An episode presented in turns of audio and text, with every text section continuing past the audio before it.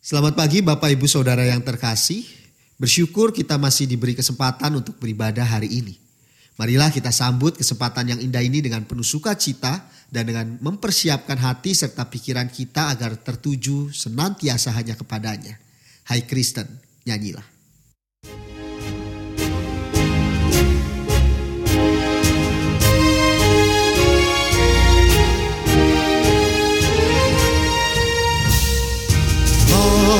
Hai Kristen nyanyilah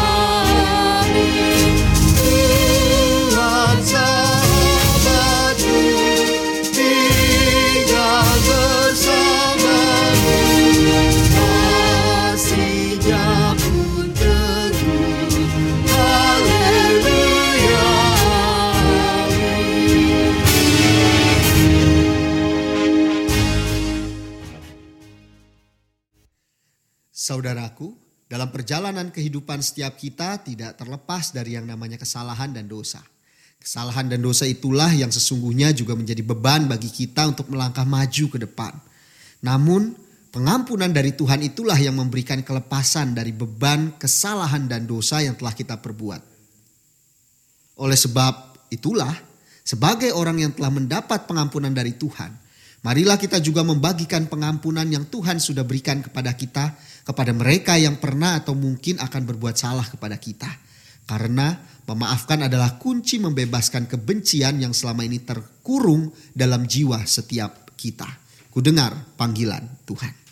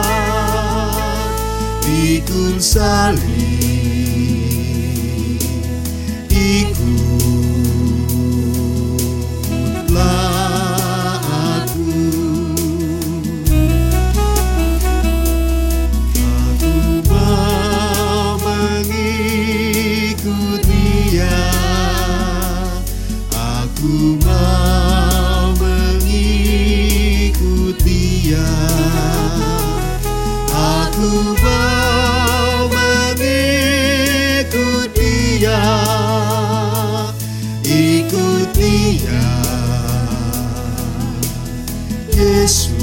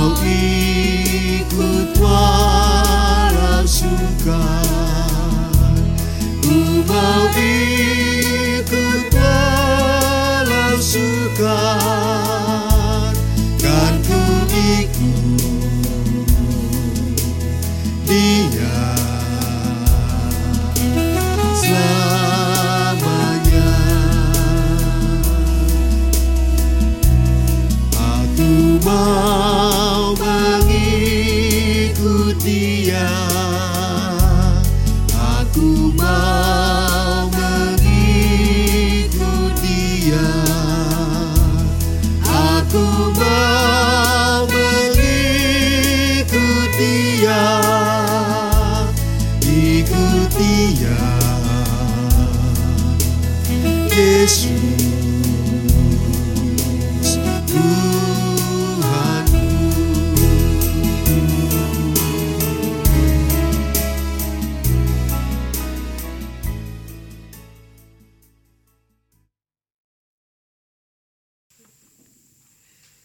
Saudaraku, marilah saat ini kita mengakui dosa-dosa kita di dalam doa. Ya Allah Bapa kami yang baik, betapa banyak kesalahan dan perbuatan yang telah kami lakukan. Sudah tidak terhitung berapa orang-orang yang telah dirugikan oleh karena perbuatan kami yang egois. Di hari ini ya Tuhan, kami begitu menyesal meratapi kesalahan yang terjadi di masa lalu. Kami tidak ingin melakukan hal yang sama. Kami ingin menjadi lebih baik lagi. Maka dari itu, tolong bimbinglah kami menemui jalanmu ya Tuhan. Ampunilah dosa kami dan bantulah kami juga untuk bisa mengampuni sesama kami agar kehidupan menjadi lebih baik lagi. Amin.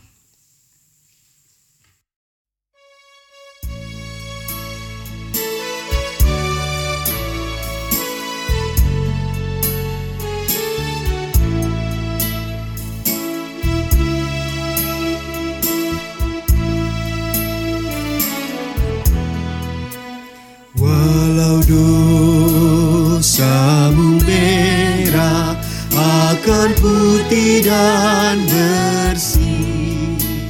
Walau dosamu merah akan putih dan bersih. Walaupun merah bakir bisi kan putih bersih. Walau dosamu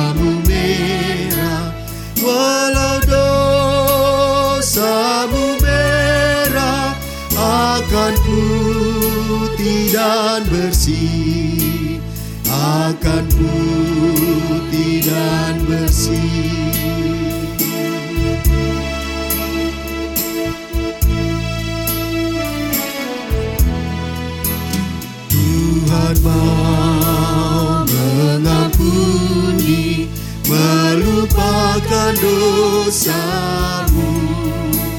Tuhan mau mengampuni melupakan dosamu. Pandanglah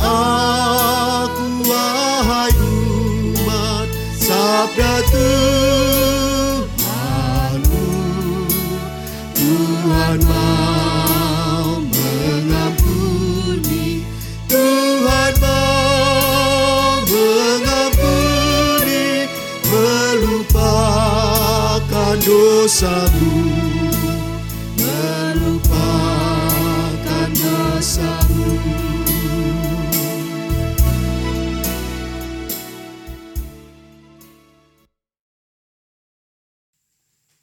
Kepada setiap kita yang mau bertobat, berita anugerah terambil dari ratapan 3 ayat 22 sampai 23. Tak berkesudahan kasih setia Tuhan, tak habis-habisnya rahmatnya, selalu baru tiap pagi, besar kesetiaanmu.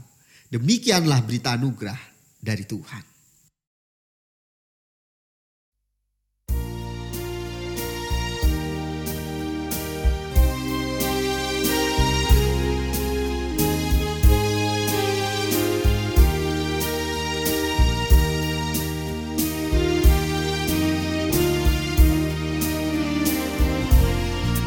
Siapa yang berpegang pada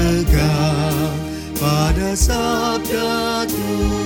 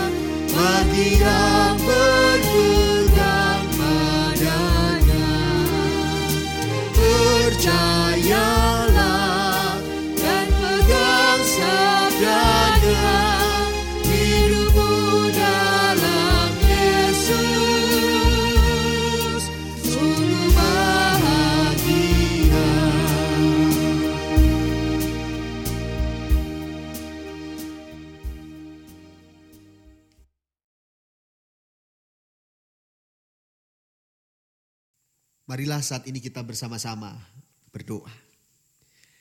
Ya Tuhan tuntunlah kami untuk mendengarkan sabdamu. Agar kami siap berpegang pada sabdamu. Biarlah dengan sabdamu ini kami dapat belajar untuk mengampuni. Di dalam nama Tuhan Yesus Kristus Sang Sabda yang hidup kami berdoa. Amin. Bacaan Injil kita pada hari ini terambil dari Injil Matius pasal 18 ayat 21 sampai 35. Perumpamaan tentang pengampunan. Kemudian datanglah Petrus dan berkata kepada Yesus, "Tuhan, sampai berapa kali aku harus mengampuni saudaraku jika ia berbuat dosa terhadap aku? Sampai tujuh kali?" Yesus berkata kepadanya, "Bukan, aku berkata kepadamu, Bukan sampai tujuh kali melainkan sampai tujuh puluh kali tujuh kali. Sebab hal kerajaan surga seumpama seorang raja yang hendak mengadakan perhitungan dengan hamba-hambanya. Setelah ia mulai mengadakan perhitungan itu, dihadapkanlah kepadanya seorang yang berhutang sepuluh ribu talenta. Tetapi karena orang itu tidak mampu melunaskan hutangnya, raja itu memerintahkan supaya ia, ia dijual beserta anak istrinya dan segala miliknya untuk pembayar hutangnya. Maka sujudlah hamba itu menyembah dia katanya. Sabarlah dulu sebab hutangku akan kulunaskan. Lalu tergeraklah hati raja itu oleh belas kasihan akan hamba itu. Sehingga ia membebaskannya dan menghapuskan hutangnya. Tetapi ketika hamba itu keluar ia bertemu dengan seorang hamba lain yang berhutang seratus dinar kepadanya. Ia menangkap dan mencekik kawannya itu katanya. Bayar hutang. Maka sujudlah kawannya itu dan memohon kepadanya. Sabarlah dulu hutangku itu akan kulunaskan. Tetapi ia menolak dan menyerahkan kawannya itu ke dalam penjara sampai dilunaskannya hutangnya. Melihat itu, kawan-kawannya yang lain sangat sedih lalu menyampaikan segala yang terjadi kepada tuan mereka. Raja itu menyuruh memanggil orang itu dan berkata kepadanya, Hai hamba yang jahat, seluruh hutangmu telah kuhapuskan karena engkau memohonnya kepadaku. Bukankah engkau pun harus mengasihani kawanmu seperti aku telah mengasihani engkau? Maka marahlah tuannya itu dan menyerahkannya kepada Algojo-Algojo sampai ia melunaskan seluruh hutangnya. Maka Bapakku yang di surga akan berbuat demikian juga terhadap kamu. Apabila kamu masing-masing tidak mengampuni saudaramu dengan segenap hatimu. Demikianlah firman Tuhan yang berbahagia adalah bagi kita yang mendengarkan, memelihara dalam hati dan dengan penuh sukacita melakukannya. Haleluya. Pengampunan memulihkan semua. Saudaraku, pernahkah kita merasa disakiti? Pernahkah kita merasa dikhianati? Pernahkah kita merasa dibohongi? Pernahkah kita merasa dikecewakan? Apabila kita pernah merasakan itu semua, apakah kita sudah bisa untuk mengampuni orang yang menyakiti kita, yang pernah mengkhianati kita, yang pernah membohongi kita atau mungkin yang pernah mengecewakan kita. Saudaraku, mungkin banyak juga dari kita sampai saat ini masih ada yang menyimpan rasa dendam terhadap orang lain yang pernah menyakiti, membohongi, mengkhianati, mengecewakan kita. Namun, juga tidak sedikit dari kita yang mungkin pernah atau saat ini juga masih sering menyakiti, membohongi, mengkhianati, mengecewakan orang lain. Ada kalanya kita menjadi orang yang mengkhianati,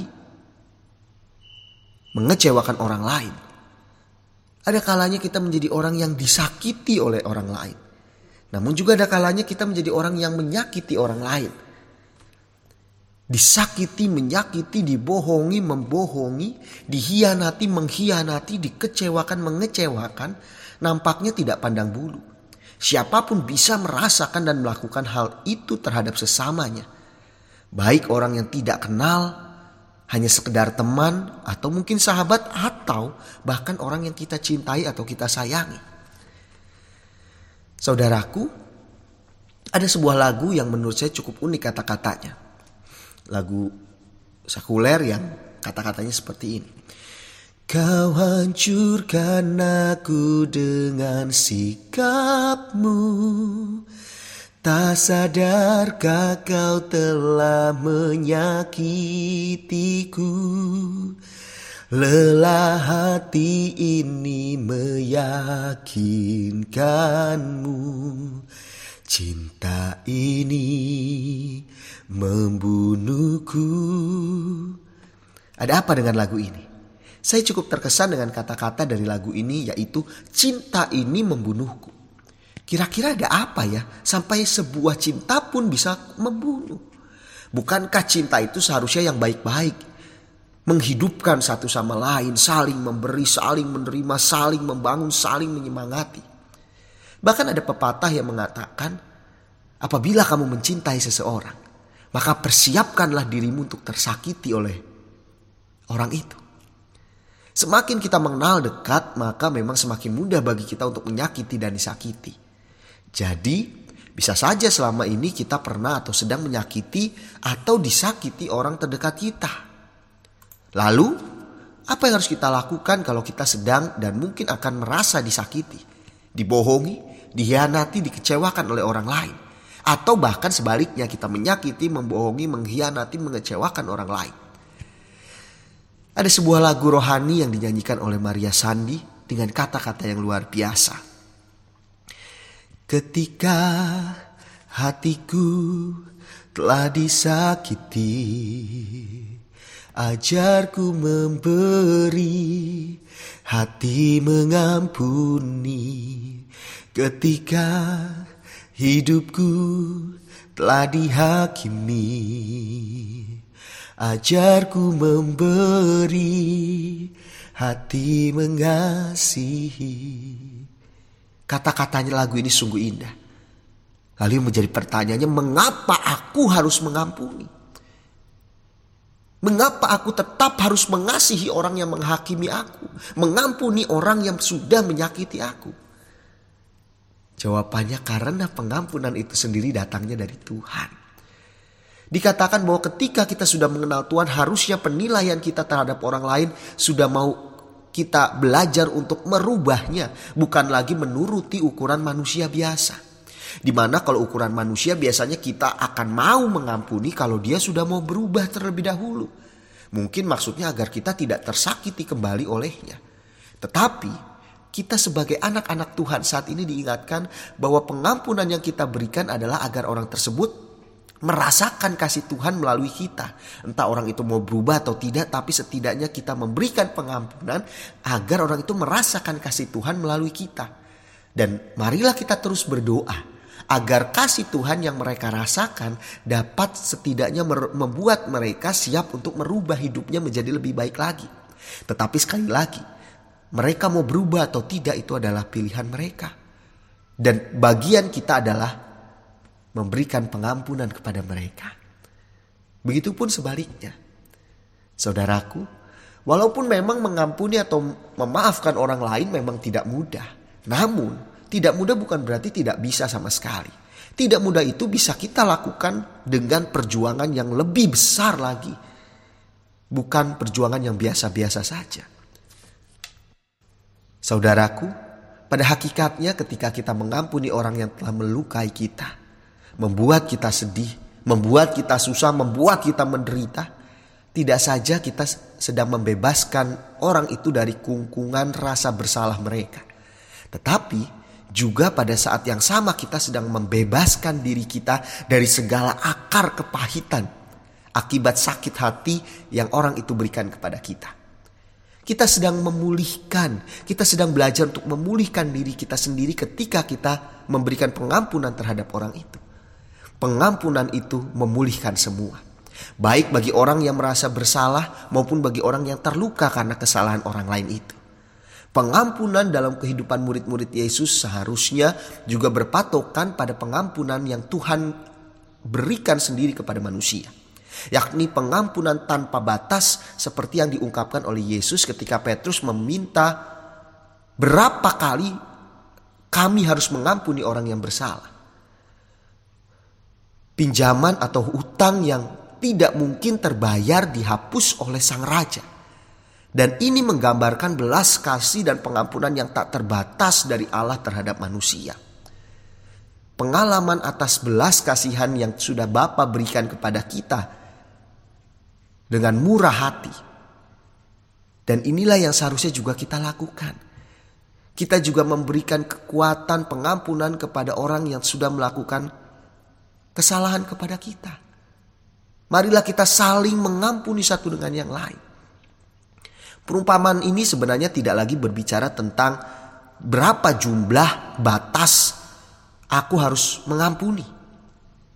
Melainkan tentang berapa besarnya pengampunan Allah yang tanpa batas dan seharusnya inilah yang menjadi tolak ukur kita agar kita belajar untuk mampu mengampuni betapapun besarnya kesalahan orang lain terhadap kita. Saudaraku, sudahkah kita merasakan pengampunan dari Tuhan sehingga hidup kita dipulihkan? Sudahkah kita mampu untuk mengampuni orang lain sehingga orang lain pun merasakan pemulihan di dalam kehidupan mereka? Oleh karena pengampunan yang kita berikan, Mengampuni memang bukan merupakan suatu hal yang mudah untuk dilakukan. Tetapi kita dimampukan oleh Tuhan untuk dapat mengampuni orang lain. Karena Tuhan sudah memberikan teladan kepada kita ketika ia sudah terlebih dahulu mengampuni kita. Belajarlah untuk dapat mengampuni orang lain. Karena di dalam pengampunan itu terdapat mujizat yang luar biasa untuk dapat memulihkan banyak hal, termasuk memulihkan diri kita sendiri dan memulihkan orang lain. Mengampuni adalah proses yang memerlukan waktu dan pengorbanan. Tetapi di akhir segala proses yang mungkin menyakitkan yang kita alami, kita sendirilah yang akan memetik hasilnya, menerima berkatnya dan menikmati hidup yang indah di dalam kemuliaan Tuhan. Belajarlah untuk terus mengampuni. Maukah kita maukah kita memiliki hidup yang indah? Maukah kita memiliki hidup yang tenang, yang penuh dengan sukacita? Belajarlah untuk mengampuni. Dan dengan kita mengampuni, kita sedang membuat diri kita menjadi lebih tenang, lebih indah, lebih bersuka cita. Dan saat itu juga kita sedang mengajak orang yang kita ampuni untuk memiliki hidup yang indah, memiliki hidup yang penuh sukacita, memiliki hidup yang damai tenang bersama Tuhan. The Lord bless you and keep you. Amin. Marilah kita bersama dengan umat Allah di masa lalu, masa kini, dan masa depan, mengingat pengakuan pada baptisan kita menurut pengakuan iman rasuli. Aku percaya kepada Allah Bapa yang Maha Kuasa, Khalik langit dan bumi, dan kepada Yesus Kristus anaknya yang tunggal Tuhan kita, yang dikandung daripada roh kudus, lahir dari anak darah Maria, yang menderita sengsara di bawah pemerintahan Pontius Pilatus, disalibkan, mati dan dikuburkan turun ke dalam kerajaan maut pada hari yang ketiga bangkit pula dari antara orang mati. Naik ke surga, duduk di sebelah kanan Allah, Bapa yang Maha Kuasa. Dan dari sana ia akan datang untuk menghakimi orang yang hidup dan yang mati. Aku percaya kepada roh kudus, gereja yang kudus dan am. Persekutuan orang kudus, pengampunan dosa, kebangkitan orang mati dan hidup yang kekal. Amin. Marilah kita bersama-sama menaikkan pokok-pokok doa syafaat kita. Ya Tuhan Yesus Kristus Allah Bapa kami yang sungguh baik. Kami bersyukur firman Tuhan boleh mengingatkan kami seperti apa kami harus belajar untuk mengampuni sesama kami. Di mana kami belajar dari teladan yang Tuhan berikan kepada kami dengan mengampuni setiap kami atas dosa-dosa kami. Pada saat ini ya Bapa, kami mau berdoa di mana terkhusus untuk keadaan Indonesia ini, di mana di beberapa wilayah kembali terdapat banyak sekali yang positif corona. Bahkan juga ada beberapa keluarga yang merasakan duka karena orang yang dikasihi meninggal dunia. Ya Tuhan Yesus Kristus, tolong pimpinlah kami, ingatkan kami bersama-sama. Agar kami boleh menjaga kesehatan kami, menjaga kebersihan kami. Kami menerapkan protokol kesehatan dengan baik. Agar kami menjaga diri kami dan kami juga belajar untuk menjaga sesama kami.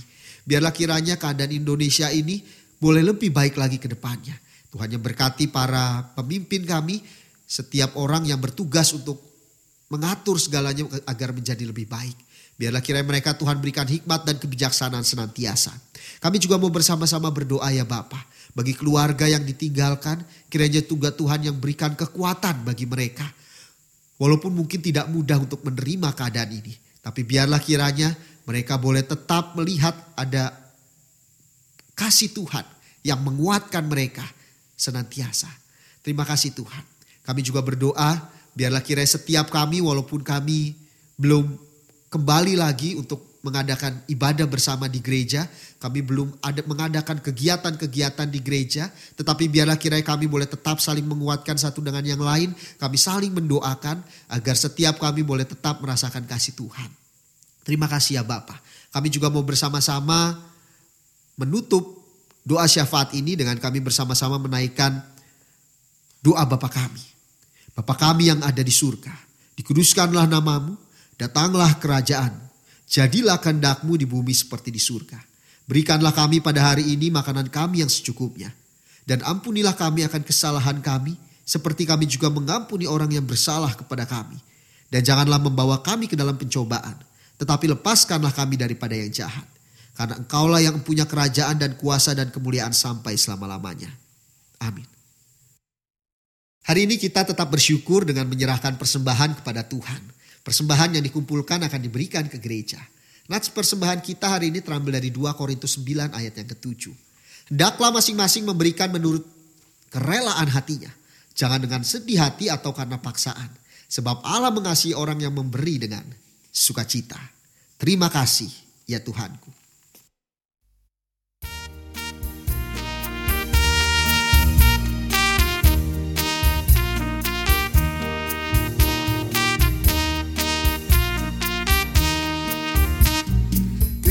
Terima kasih ya Tuhanku atas hari pemberianmu. Hari baru limpah rahmat dan dipenuhi oleh kasihmu. Kau curahkan pada umatmu. Kau curahkan pada Terima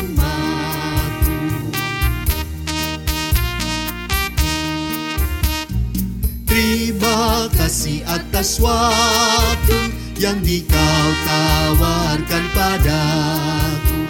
Agar dalam masa muda aku belajar tentang kasihmu Yang besar dan mulia itu. Yang besar dan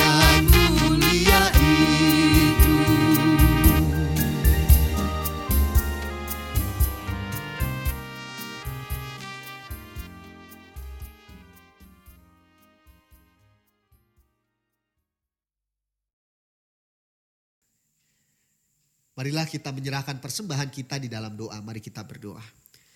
Terima kasih Tuhan kami masih diberi kesempatan kembali untuk mengucap syukur atas setiap berkat yang Tuhan berikan kepada kami. Kami memberikan persembahan kami, biarlah kiranya kami memberikannya dengan penuh sukacita, bukan dengan berbagai macam alasan.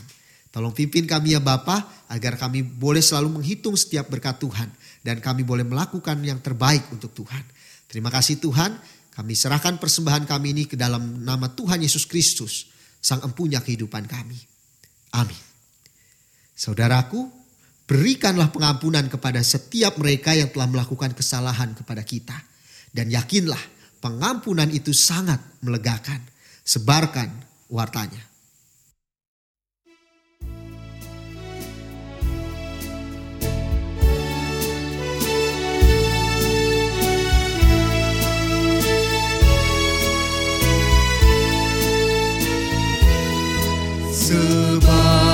Sebarkan wartanya kepada manusia yang hidup berkesah di dunia yang besar.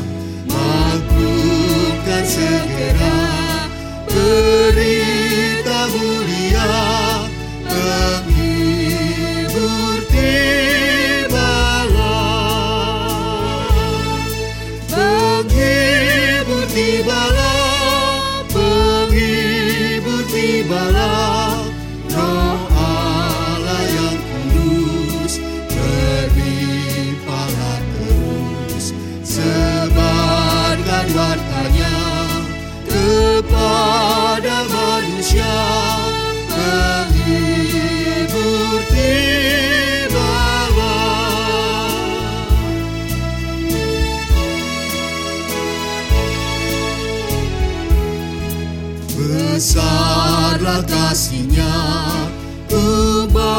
Masyurkan lekas Kepada pada dunia yang bimbang dan cemas dan citra Tuhanku.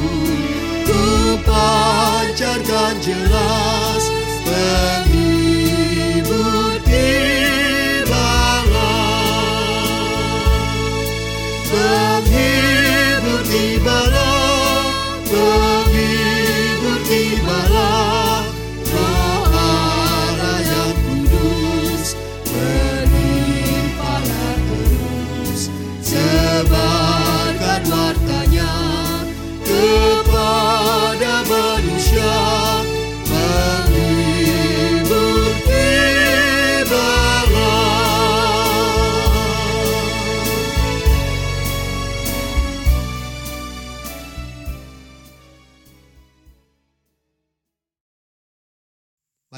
bersama-sama menerima berkat Tuhan.